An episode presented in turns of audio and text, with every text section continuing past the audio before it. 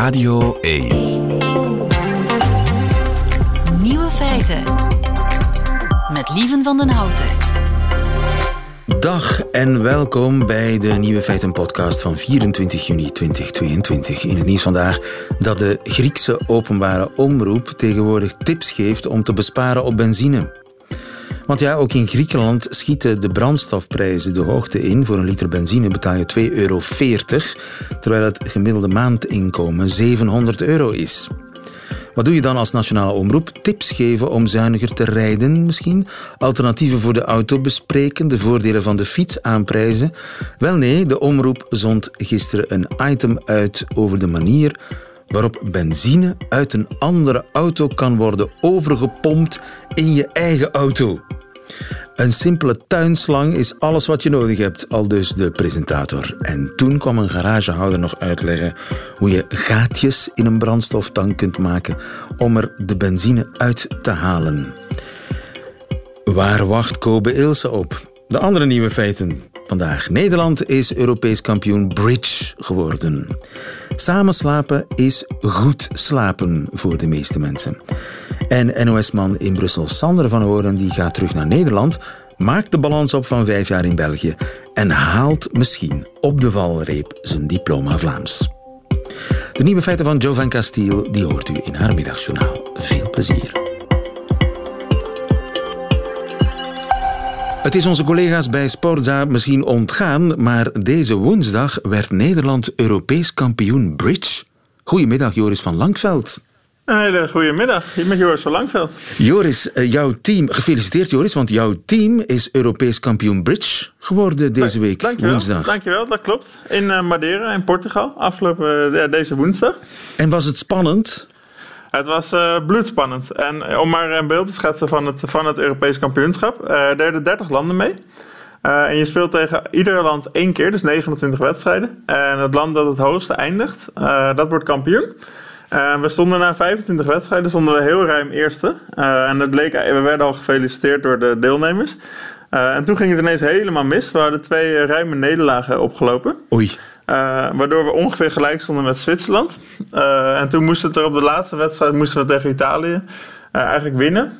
om nog bovenaan te eindigen. Dus het was super spannend. het was super spannend. en om ook maar aan te geven wat er dan gebeurde. Uh, in de laatste wedstrijd uh, ja, was er ineens een plaag van wespen, van hoornaars uh, scheen het. Een soort grote agressieve wespensoort. die drongen de zaal binnen. en drie spelers in de wedstrijd werden ook gestoken. en de wedstrijd moest zelfs stil worden gelegd. Uh, dat... Waarna het na ongeveer een half uur weer vervolgd kan worden. Dus het was wel een spektakel in ieder geval. Dat kan heel ernstig zijn, hè? zo'n hoornaarsbeet. Ja, er was, iemand was ook allergisch. Uh, ja, en daar moest ook echt medisch personeel uh, aan te pas komen om dat allemaal weer uh, ja, ja. in goede banen te leiden. Dus dat was nog best wel was heel eng, was heel hectisch. Dus mensen ook helemaal in paniek en iedereen rende rond. En, nou ja. en hoe eindigden de Belgen? Uh, ja, de Belgen, dat is echt een primeur voor België. Uh, België heeft namelijk voor het eerst in de historie heeft België zich geplaatst voor het wereldkampioenschap. Um, en de bovenste acht landen, uh, van de 30 dus, die plaatsen zich voor het WK in Marokko van volgend jaar, augustus. Um, en België die heeft zich in alle drie de categorieën, dus zowel bij de open, bij de senioren en bij de gemengde viertallen, hebben ze zich geplaatst. Maar zijn het niet allemaal senioren? Want bridge, dat lijkt mij zoiets voor gepensioneerde bibliothecarissen. ja, dat is inderdaad het imago. Brits heeft een heel abollig imago. Gemiddelde leeftijd bij de Nederlandse Britsland is ook 73. Uh, dat is echter op de lokale clubs, hè, de, de buurtcentra, waar veel oude mensen spelen. Uh, om het echt op topniveau te spelen, uh, dat wordt voornamelijk door jongere mensen te zijn. Eigenlijk vergelijkbaar met de leeftijden met schaken, maar dan ietsje ouder. gemiddelde leeftijd denk ik ligt tussen de 40 en de 50, waarbij ja. ook veel 30 en 20 zijn. Ja, want hoe oud ben jij? Uh, ik ben zelf 33. 33. En ik speel ongeveer uh, 16 jaar. 16 jaar. En ben ja. je dan een professioneel, een professioneel bridger? Uh, ja, ik ben professioneel Brits. Eigenlijk mijn hele, het hele Nederlandse team, ja, die leven uitsluitend van Brits. Um, ja, en, en, wat betekent dat? Dat betekent dat we eigenlijk het hele jaar door over de wereld reizen om toernooien te spelen. Wauw. En wat schuift dat zo? Ja, ik, ik ga geen exacte bedragen noemen, maar het is wel uh, ja, veel meer uh, dan modaal. Uh, oh, dus, je kan er goed van leven. Een, een, goed salaris, ja, zeker. zeker. En dus da daar gaat veel geld in om, terwijl die sport niet eens zo bekend is en op televisie toch niet wordt uitgezonden. En ja, die, die speelt zich volledig af in een, in een verborgen wereld, zo lijkt het wel. Ja, nou ja, het Brits heeft wel veel, uh, veel mensen die het doen. Hè. Dus in Nederland wordt het door meer dan 500.000 mensen gedaan. Um, alleen echt op, op topniveau uh, heeft het iets minder media-aandacht. Omdat het natuurlijk niet zo spectaculair is als bijvoorbeeld Formule 1. Um, ehm, maar er zit, wel, zit inderdaad veel geld in. En dan niet zoals met poker, dat er ook prijzengelden zijn. Uh, maar er zijn wel heel prestigieuze toernooien. Bijvoorbeeld in grote steden van Amerika wordt drie keer per jaar een heel belangrijk toernooi gehouden. De Nationals heette die. Uh, en omdat het zo prestigieus is, uh, zijn er veel uh, ja, vermogende Amerikanen die daar hoog in willen eindigen. En die een team inhuren van wereldspelers om daar hoog te eindigen. En in dat licht gaat er dus wel heel veel geld in om. Oké, er zijn heel veel mensen met veel geld die geïnteresseerd zijn in bridge. En daardoor heeft het een zeker prestige. En zo komt het dat, het, dat, dat je daar als professioneel speler goed je brood mee kunt verdienen. Ja, zeker. Het, is, uh, het klinkt een beetje apart, uh, maar dat, dat is hoe het, uh, hoe het gaat. Er is mij gezegd dat jij zelfs tegen Bill Gates al hebt gespeeld. Ja, een aantal keer. Zoals Bill Gates is een, ook een fervent Britser. ook wel een aardige speler, goede speler. en afgelopen november in Austin, in Texas, kwam ik met hem aan tafel. En dan zat ik een uur lang tegen Bill Gates. en, en is hij goed? Hij is redelijk goed. Ik moet zeggen dat hij de, de keer daarvoor, dat was drie jaar geleden, uh, dat was toen op Hawaii, werd, er was een toernooi. Toen had hij van mij gewonnen. Uh, maar vorige keer uh, ja, hadden wij heel dik van hem gewonnen. En ja, het ging niet zo lekker uh, bij hem. En ik, heb, ik had ook het gevoel dat door zijn scheiding. en ook doordat hij iets ouder is geworden. Hij zag er echt waanzinnig ouder uit dan een aantal jaar geleden. ja, dat hij toch minder goed is geworden. Dus je hebt een keer gewonnen en een keer verloren van Bill Gates. Ja, ja, dus toch wel leuk. Uh, want je komt dus ook wel bekende, ja, bekende mensen tegen in dat Amerikaanse wereldje. Oh, zijn, zijn er nog zo bekende mensen waar, waar je tegen gespeeld hebt? Of die je tegengekomen bent? Is ook, uh, is ook een Warren Buffett? Warren Buffett die heeft ook veel ja, gesponsord in het verleden met Brits. En die kijk, kan je ook af en toe tegenkomen. Zeker aan de, in Californië, in de westkust op, op, op Amerikaanse toernooien. Ja, wie dacht dat uh, bridge een sport was zonder glamour en glitter, die uh, moet nog eens uh, een tweede keer nadenken. Joris van Langveld, nogmaals gefeliciteerd met je Europees kampioenschap. Dankjewel. En, en ja, aan België veel succes op het wereldkampioenschap volgend jaar. Dankjewel, Joris van Langveld. Goedemiddag. Goedemiddag. Tot ziens. Nieuwe feiten. Radio 1. Wie samen slaapt, die slaapt beter, zeggen onderzoekers in Arizona. Dr. Inge de Klerk, goedemiddag. Goedemiddag, dag Lieven. Slaapexpert van de Universiteit van Antwerpen. Auteur ook van boeken over de slaap. Je zal maar gezegend zijn met een snurker, met een woeler, met een uh, het laken uh, onverbiddelijk naar zich toe trekker. Als je dat hoort, dat samen slapen beter slapen is, dat klinkt toch redelijk onwaarschijnlijk. Ja, eh, in mijn praktijk kom ik ook wel heel wat andere situaties tegen. Dat er als er één partner een slaapstoornis heeft, dat er toch wel niet zo heel gezellig samengeslapen wordt. Maar wat het onderzoek eigenlijk, want ook wist je de achtergrond van het onderzoek gaan bekijken. Uh, dat was een eenmalige bevraging. Um, 1007 mensen, dus wel, wel een behoorlijk wat. Maar um, zijn eigenlijk met vragenlijsten te werk gegaan. Dus het ging hem eerst vooral over een subjectief gevoel. En waar precies niet voor gecontroleerd is, is blijkt dat mensen die um, samen sliepen het gevoel hadden dat ze beter sliepen.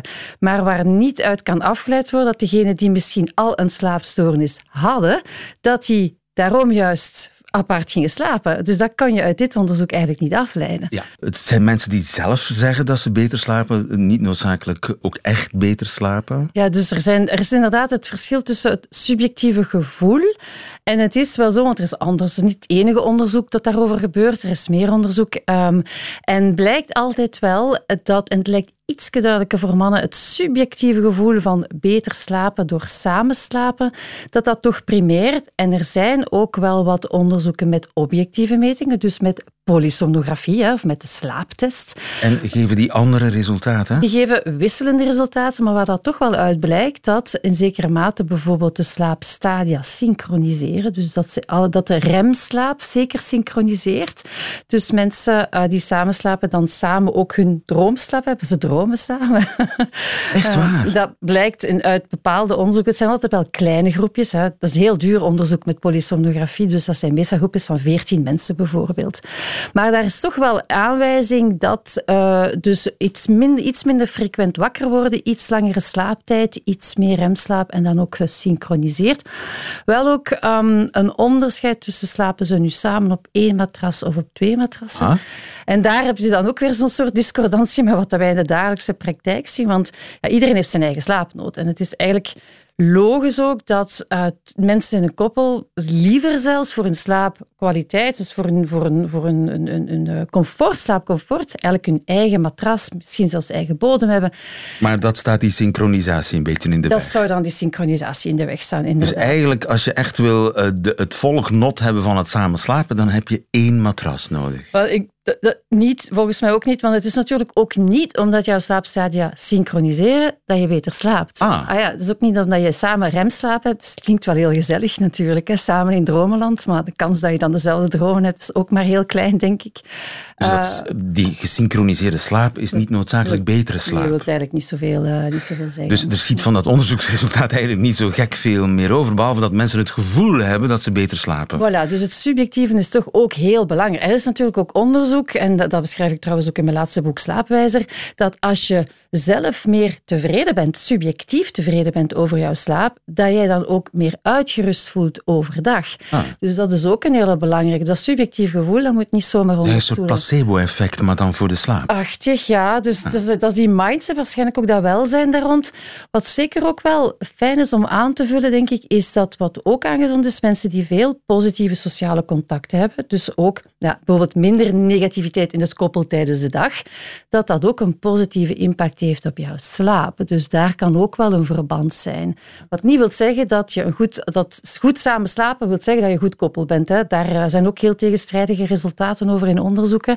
Maar zeker wel uh, dat ja, en dat is bijna logisch. Hè? Als je het goed hebt met elkaar overdag, dat er geen conflicten geweest zijn, zeker geen ruzies vlak voordat je gaat slapen. Ik denk dat heel herkenbaar is. Maak maar eens ruzie vlak voordat je gaat slapen, gaat je gegarandeerd slecht slapen.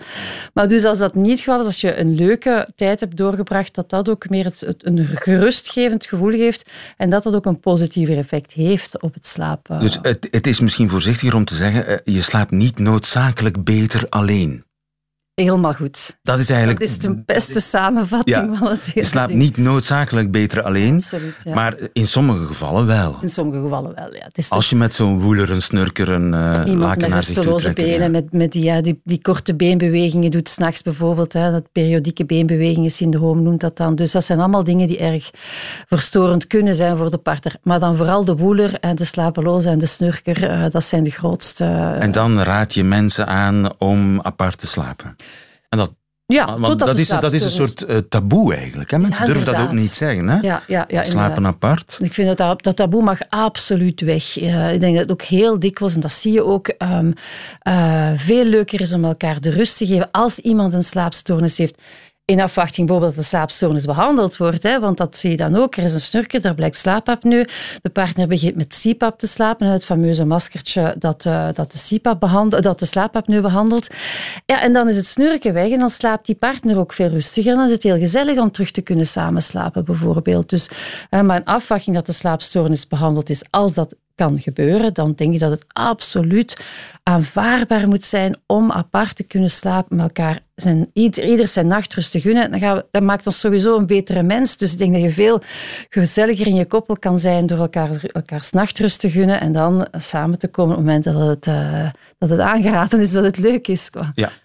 Uh, hoe zit het met kinderen die samen slapen? Is dat positief? Uh, voor tweelingen zeker na de geboorte. Dus kinderen samen uh, is daar een positief effect aangetoond. Dus uh, zeker bij tweelingen. En het algemeen, kinderen bij elkaar, dus broers en zussen bij elkaar, lijkt, zeker als er al een kindje is dat wat angstig is, lijkt een positief effect te hebben. In sommige gevallen zie je bijvoorbeeld ook de typische night terror. Die kindjes die zo tijdens een types... Ja. Nee, het zijn geen nachtmerries. Night terror zijn nachtangsten. En dat is typisch iets van de diepe slaap dat heel veel will kind tot 40 procent van de kindjes heeft dat. Plots wakker schieten tijdens de diepe slaap, zonder dat ze echt wakker worden. Kan heel indrukwekkend zijn. Maar daar en dan zijn ze heel angstig, maar ze hebben geen nachtmerrie Nee, ze hebben geen nachtmerrie. Ze zijn wel heel angstig. Ze, ze, lijken angstig, maar ze, ja. ze, merken dat zelf niet en ze onthouden dat ook niet. Dus ah, ja. dat is van de diepe slaap. Dus nachtmerrie okay. is van de remslaap. En hoe, hoe heet je dat? Night terror. Night terror. Ja, of nachtangst. Nachtangst, dat is ja. een goede vertaling. En dat verbetert als kinderen samen slapen? zou inderdaad kunnen verbeteren als kinderen samen slapen ook, ja. Ja. En slapen met huisdieren, met een kat, met een hond, dat gebeurt ook soms. Hè? Hoe sta je daar tegenover? Veel blijkbaar ja? zelfs. Uh, zeker in de States is daar onderzoek over 50 tot 70 procent blijkt mensen met een huisdier een huisdier mee naar bed te nemen. Maar daar is in het algemeen toch van aangetoond dat het niet positief is.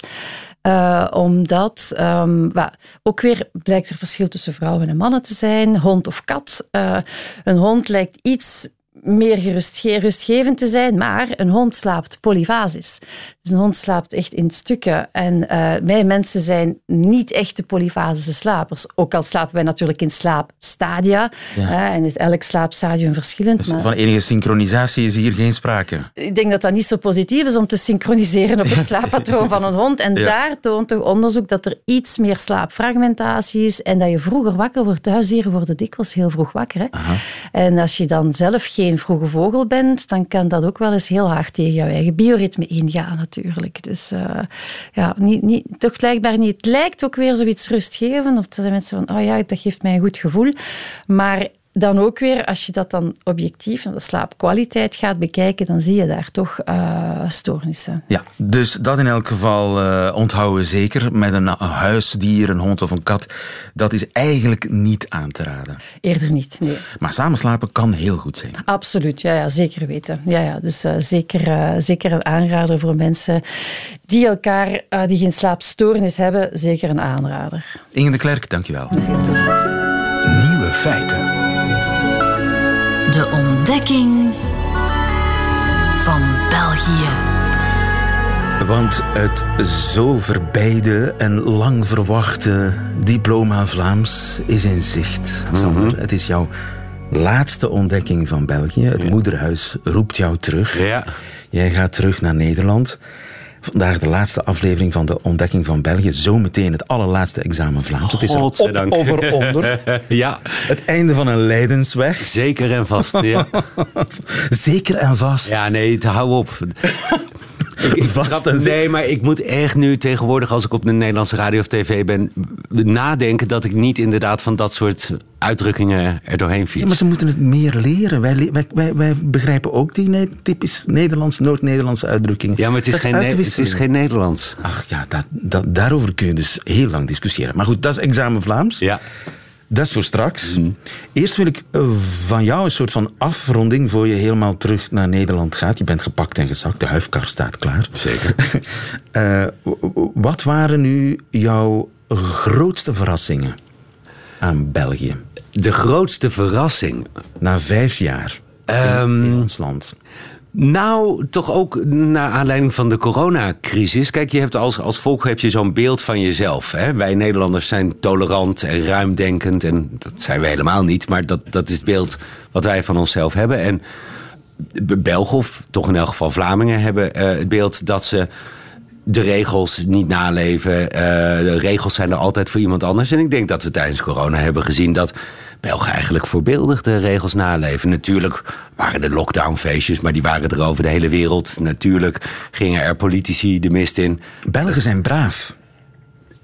Nou, eigenlijk wel. Dat was een, een, een verrassing voor jou? Ja, ja, want de, ik werd ervoor gewaarschuwd, ook hier op de redactie, van we zeggen nooit dingen direct. En het woord achterbaks werd net niet in de mond genomen, maar daar, daar kwam het dan een beetje op neer. En dat is me ten eerste wel meegevallen. Uh, Belgen kunnen ook best direct zeggen wat ze vinden, alleen doen dat op een andere manier.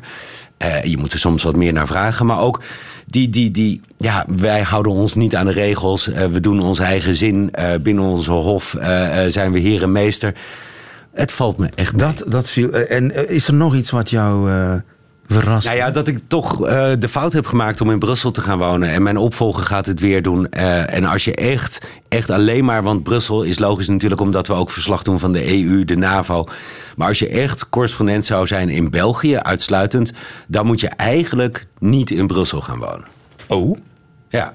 Nou ja, omdat... Dus je hebt er spijt van dat je in Brussel hebt gewoond al die tijd? Ja, toch wel. Waar had je dan wel willen wonen? Nou, had ik, had, wonen? Ik, ik had willen, willen uh, huishoppen eigenlijk. Ik had een tijd in Antwerpen willen wonen, maar ook een tijd in Hasselt. Ik had een tijd in Namen willen wonen, maar ook een tijd in Charleroi omdat ik nu, ik bedoel, kijk naar mijn examen Vlaams, dat ik na vijf jaar nog altijd weet te buizen. Dat heeft er echt mee te maken dat ik dus niet onder Vlamingen kom uiteindelijk. Als Brusselaar. Als Brusselaar. Je bent meer een Brusselaar dan een Belg geworden. En ik merk het, omdat ik nu in Nederland moet ik met uh, aannemers en weet ik veel wat. En ik merk dat als ik iemand aan de telefoon krijg, dat ik de eerste halve minuut ben ik bezig te kijken in welke taal spreekt hij eigenlijk tegen me. En kunnen we daar een andere taal van maken? Of zal ik verder gaan in deze taal? Dat is een soort ja, uh, proces wat, je, wat, wat zo in je zit. En ik in Nederland dus nu, als ik iemand aan de telefoon krijg, pas na een halve minuut vaststel van, oh ja, natuurlijk, hij spreekt gewoon Nederlands. Maar Brussel heeft mij wat dat betreft zo verpest. En ik had het gisteren nog dat ik met iemand aan de telefoon in het Frans een gesprek voer. Want Frans, sorry voor de Vlaams nationalisten, maar dat is in Brussel gewoon de voertaal. En dat je er pas aan het einde van het gesprek eigenlijk bij toeval achterkomt dat je allebei Nederlands spreekt. Ach. Ja. ja. Dus, uh, maar maar ook om een beter begrip te krijgen, want ik denk dat je moet vaststellen dat als ik dus die taal, die specifieke uh, Vlaamse woorden niet ken uiteindelijk, dat ik dus ook misschien de Vlaming niet ken. En de Waal dus ook niet ken. Ik ken de Brusselaar en op reportage kom je wel eens een Waal of een Vlaming tegen. Maar dat is iets anders dan daaronder leven. En ik denk dat dat. Als... Heb, je, heb je het gevoel dat eh, men in Brussel met de rug naar Vlaanderen leeft en zelfs met de rug naar Wallonië? Dat het een soort microcosmosje is? Nou, het is sowieso een microcosmos en dat heb je in elke hoofdstad. Dat heb je in New York, dat heb je in Amsterdam, dat heb je in Berlijn. Alleen, het is eerder omgekeerd. De Walen en de Vlamingen staan met de rug naar Brussel. De Vlamingen nog het meest. En, en dat maakt. En dat was een verrassing voor jou. Jij dacht Brussel, ja. Centraal in het land. En uh, vandaar heb je alles het beste van beide. Ik kan daar gewoon Nederlands spreken, dacht jij? Nou, los daarvan. Maar je hebt dan het beste van beide. Je kunt het beste in het midden gaan zitten. En dan snap je Wallonië en Vlaanderen. Maar ja, het is toch ook weer. En dat, dat is uiteindelijk mijn na vijf jaar nog steeds grootste frustratie. Ja, de, de Walen en de Vlamingen staan met de rug naar Brussel toe. Maar ook naar elkaar. Enorm. En wat dat betreft is de conclusie na vijf jaar België: hou er gewoon mee op. Met België bedoel ik. Doe het niet meer. Stel vast, het werkt niet. En natuurlijk zegt iedereen dan van ja, maar dat absurdisme, dat is juist een deel van onze volksaard. En het land valt toch niet uit elkaar? Bon, als je dat definieert als succes, dat het land niet uit elkaar valt, nou oké, prima, dan is België succesvol. Maar langs elke andere maatstaf is het in elk geval niet de potentie die het had waar kunnen maken. En wat dat betreft, dat komt echt door die scheiding. En door het feit dat die scheiding inmiddels zo verankerd is in alles. We hebben het dus nu net over Brussel gehad. Maar ook, jij leest de files voor die in Vlaanderen staan. Het weerbericht gaat over Vlaanderen. In het vakantie misschien, uh, seizoen misschien over de Ardennen... omdat daar dan heel veel Vlaanderen, Vlamingen naartoe gaan op vakantie. af en toe wel over de E411 naar Namen, als het echt belangrijk is, inderdaad. Dat maar bedoel ja, ik. Goed, ja. We hebben het er eerder over gehad. Ik bedoel, uh, jullie spelen Angel, maar uh, Tourist Lemcy wordt niet in, in Wallonië gespeeld. Nee, geen enkele Nederlands bestaat gewoon niet op de Franstalige omroep. Maar wat dat betreft ook hier, en ik snap best dat daar omroepbesturen boven zitten met politieke benoemingen en dergelijke, maar ook hier in dit pand wordt die grens niet geslecht. Oké, jij hebt dan een, een, een, Fransman in de uitzending, prima, maar de, de, de, de, Wallonië is alleen interessant als er een aantal huizen onder water staan. Vlaanderen is voor de Walen alleen interessant als uh, de duivel Theo Franke weer eens wat geroepen heeft. En dat was voor jou ook een verrassing en een teleurstelling. Ik had gedacht van dat is het de karikatuur die wij van België hebben in Nederland. En met elke karikatuur is het overdreven. Het is niet overdreven. Het is zo. En dat komt onder andere, ik zal hem nog iets sterker zetten, omdat jullie, jullie Vlamingen en Walen, ook van elkaar een karikatuur maken. Ja, en dan is het einde gesprek, einde oefening. En dan heb je tegelijkertijd een bestuurstructuur die daar eh, voor een deel de oorzaak van is, maar ook een gevolg van is. Uh, je houdt het in stand. Je, ook de publieke omroep aan beide zijden van de taalgrens. En dan krijg je een land wat zoveel potentie heeft en het gewoon blijvend niet waarmaakt. Ja, Jammer, maar doe je met niet Brussel? gelukt. Ja, dat is het probleem. nee, ja. ja. Zover was je ook al. Loodjes trekken. Ik, ik zie geen andere oplossing. Nee, maar dat wordt ofwel een Oekraïens-achtig gevecht, ofwel loodjes trekken. En dan denk ik, doe het snel, doe het eerlijk, loodjes trekken. Ik zal ze breken, ik zal ze vasthouden. En dan mogen eh, eh, eh, nou ja, jullie ze trekken. Is er iets wat je meeneemt naar Nederland? Nou, die taal ben houdt? ik bang toch wel. Ja. ja. Toch ook wel de... Bon zeggen af en toe. Nou, bon, en het is nog veel erger. Dat gaat niet gaan. Dat gaat niet gaan. Nee, uh, maar alleen. Ik Maar, bedoel, alleen, dat- zijn, hele mooie uitdrukkingen die heel nuttig zijn. En die- dat, dat heb ik ook nog altijd inshallah of yalla of, of eh, dafka prachtig? uit het Hebreeuws. Er zijn altijd woorden die in het Nederlands geen equivalent hebben. En Ja. ja, die neem je mee. N- niet mee stoppen. Nee, zeker niet. Nee. Dus woorden neem je mee. En nog iets anders? Nou, uit de, de keuken heb ik ook zitten denken, neem ik niet echt wat mee. Want, Oei. ja, nou ja, sorry. Ja, een jambon vind ik dan nog wel lekker, een hammetje. Maar voor de rest is het toch allemaal een vol van. Ja, weet je, dat, dat, wij hebben ook ragout. Dus eh, dat, Oei. dat- Worden we de mantel uitgeveegd, uitgerekend op ons culinaire therapeut? Mm, maar Door een Nederlander. door een Nederlander. Maar ja, als het hier echt culinair hoogstaand is, dan is het Frans. En dat hebben we in Nederland ook. Oké. Dus het wordt even heel diep geslikt. Nog iets? Ehm, Wat je meeneemt dan, waar je eigenlijk blij mee bent. Wat je denkt van dit hoort vanaf nu bij mij. Waar ik benieuwd naar ben, is of ik die directheid, eh, waar ik nu in Nederland van schrik, omdat eh, de Israëli's waar ik gewoond heb, die hebben dat ook, diezelfde Nederlandse directheid, maar de Libanezen en de eh, Belgen dus niet. En ik, ik, ik schrik daar nu van. In Nederland merk ik dat, dat, je- dat je inderdaad gewoon met nieuwe buren spreekt en dat je binnen de kortste keren alles weet over de problemen van de kinderen, de seksuele geaardheid en ook al te horen hebt gekregen Je mag hoe jij je tuin dient te Je mag onderhouden. altijd terugkeren, Sander. Ik ben heel benieuwd of ik dat, hoe lang ik daar inderdaad van blijf schrikken. Na een half leven in Beirut, vijf jaar in Brussel, terug naar huis. Sander, blijf nog even zitten voor het spannendste moment van de dag.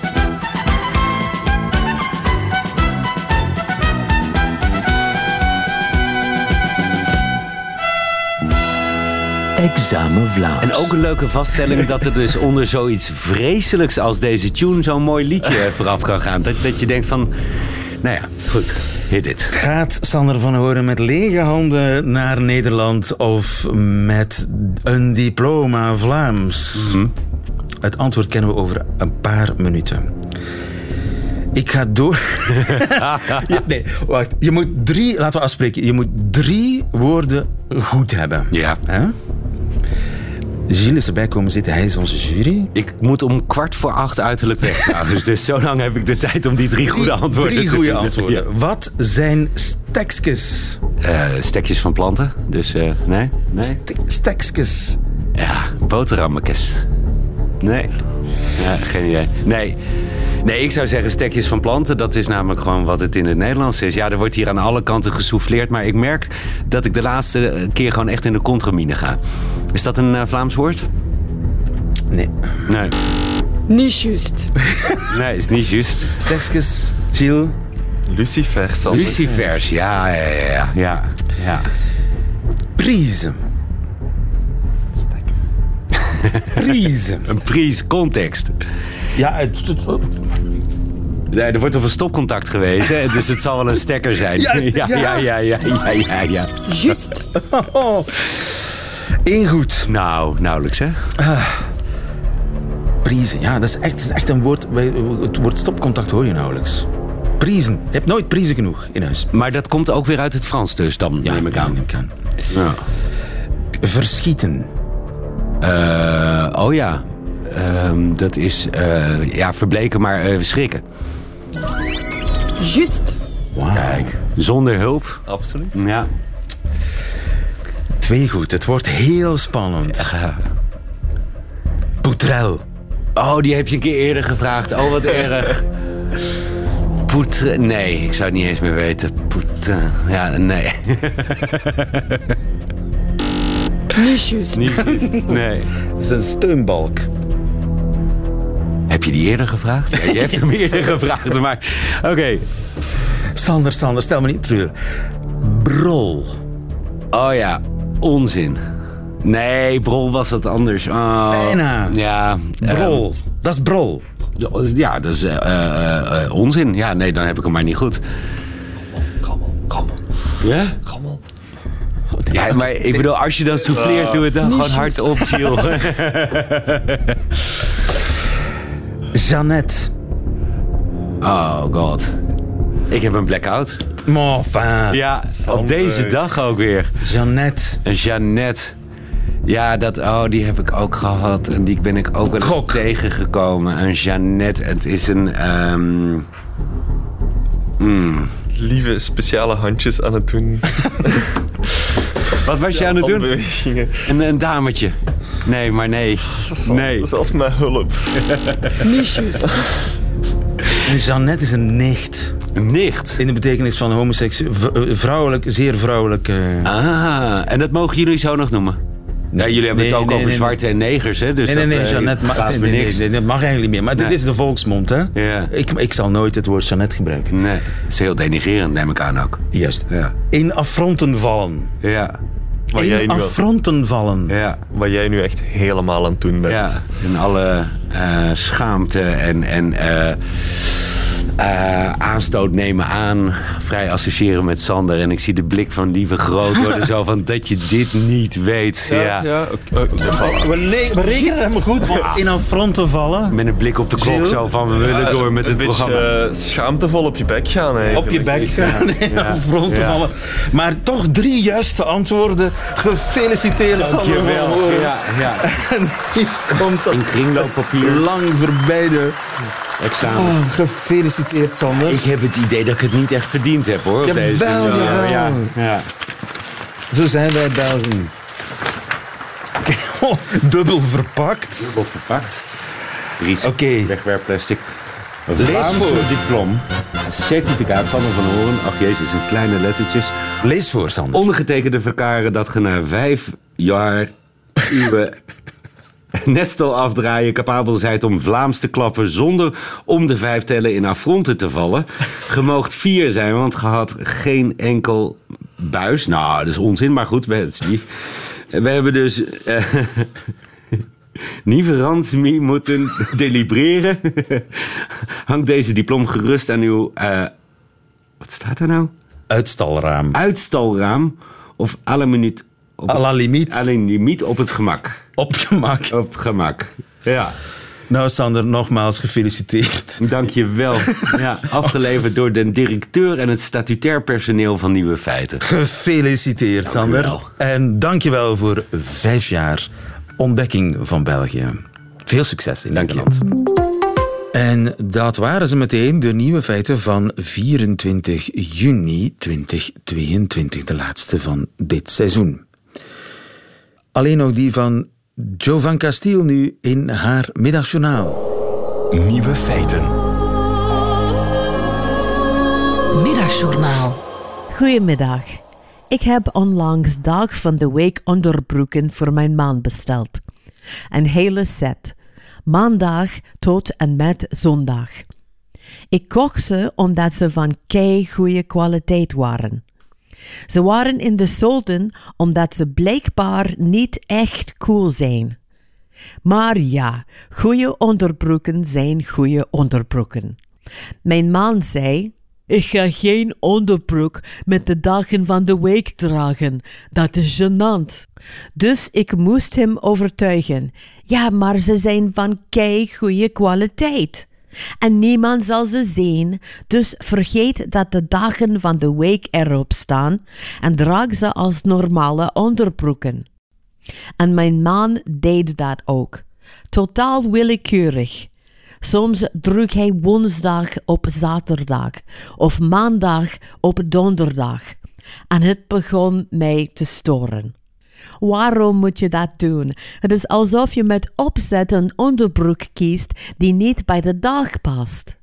En hij zei: Je hebt gezegd dat ik ze moest dragen alsof ze normale onderbroeken waren, en dat is wat ik doe. En dus begonnen wij er vaak ruzie over te maken. En mijn man deed moeite om rebels te zijn, om te tonen hoe rock'n'roll hij was, door de verkeerde onderbroek op de verkeerde dag te dragen.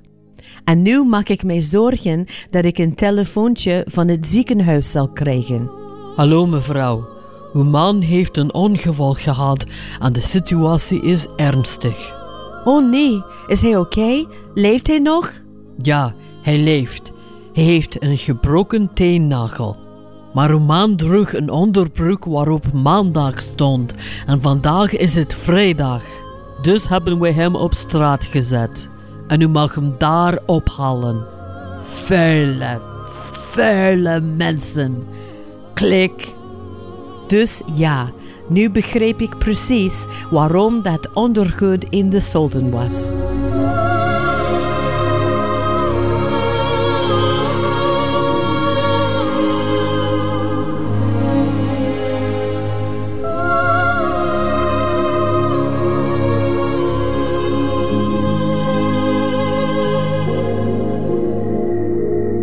Het met Jovan Castiel. Einde van deze podcast. Hoort u liever de volledige nieuwe feiten met de muziek erbij? Dat kan natuurlijk via radio1.be of de Radio 1 app.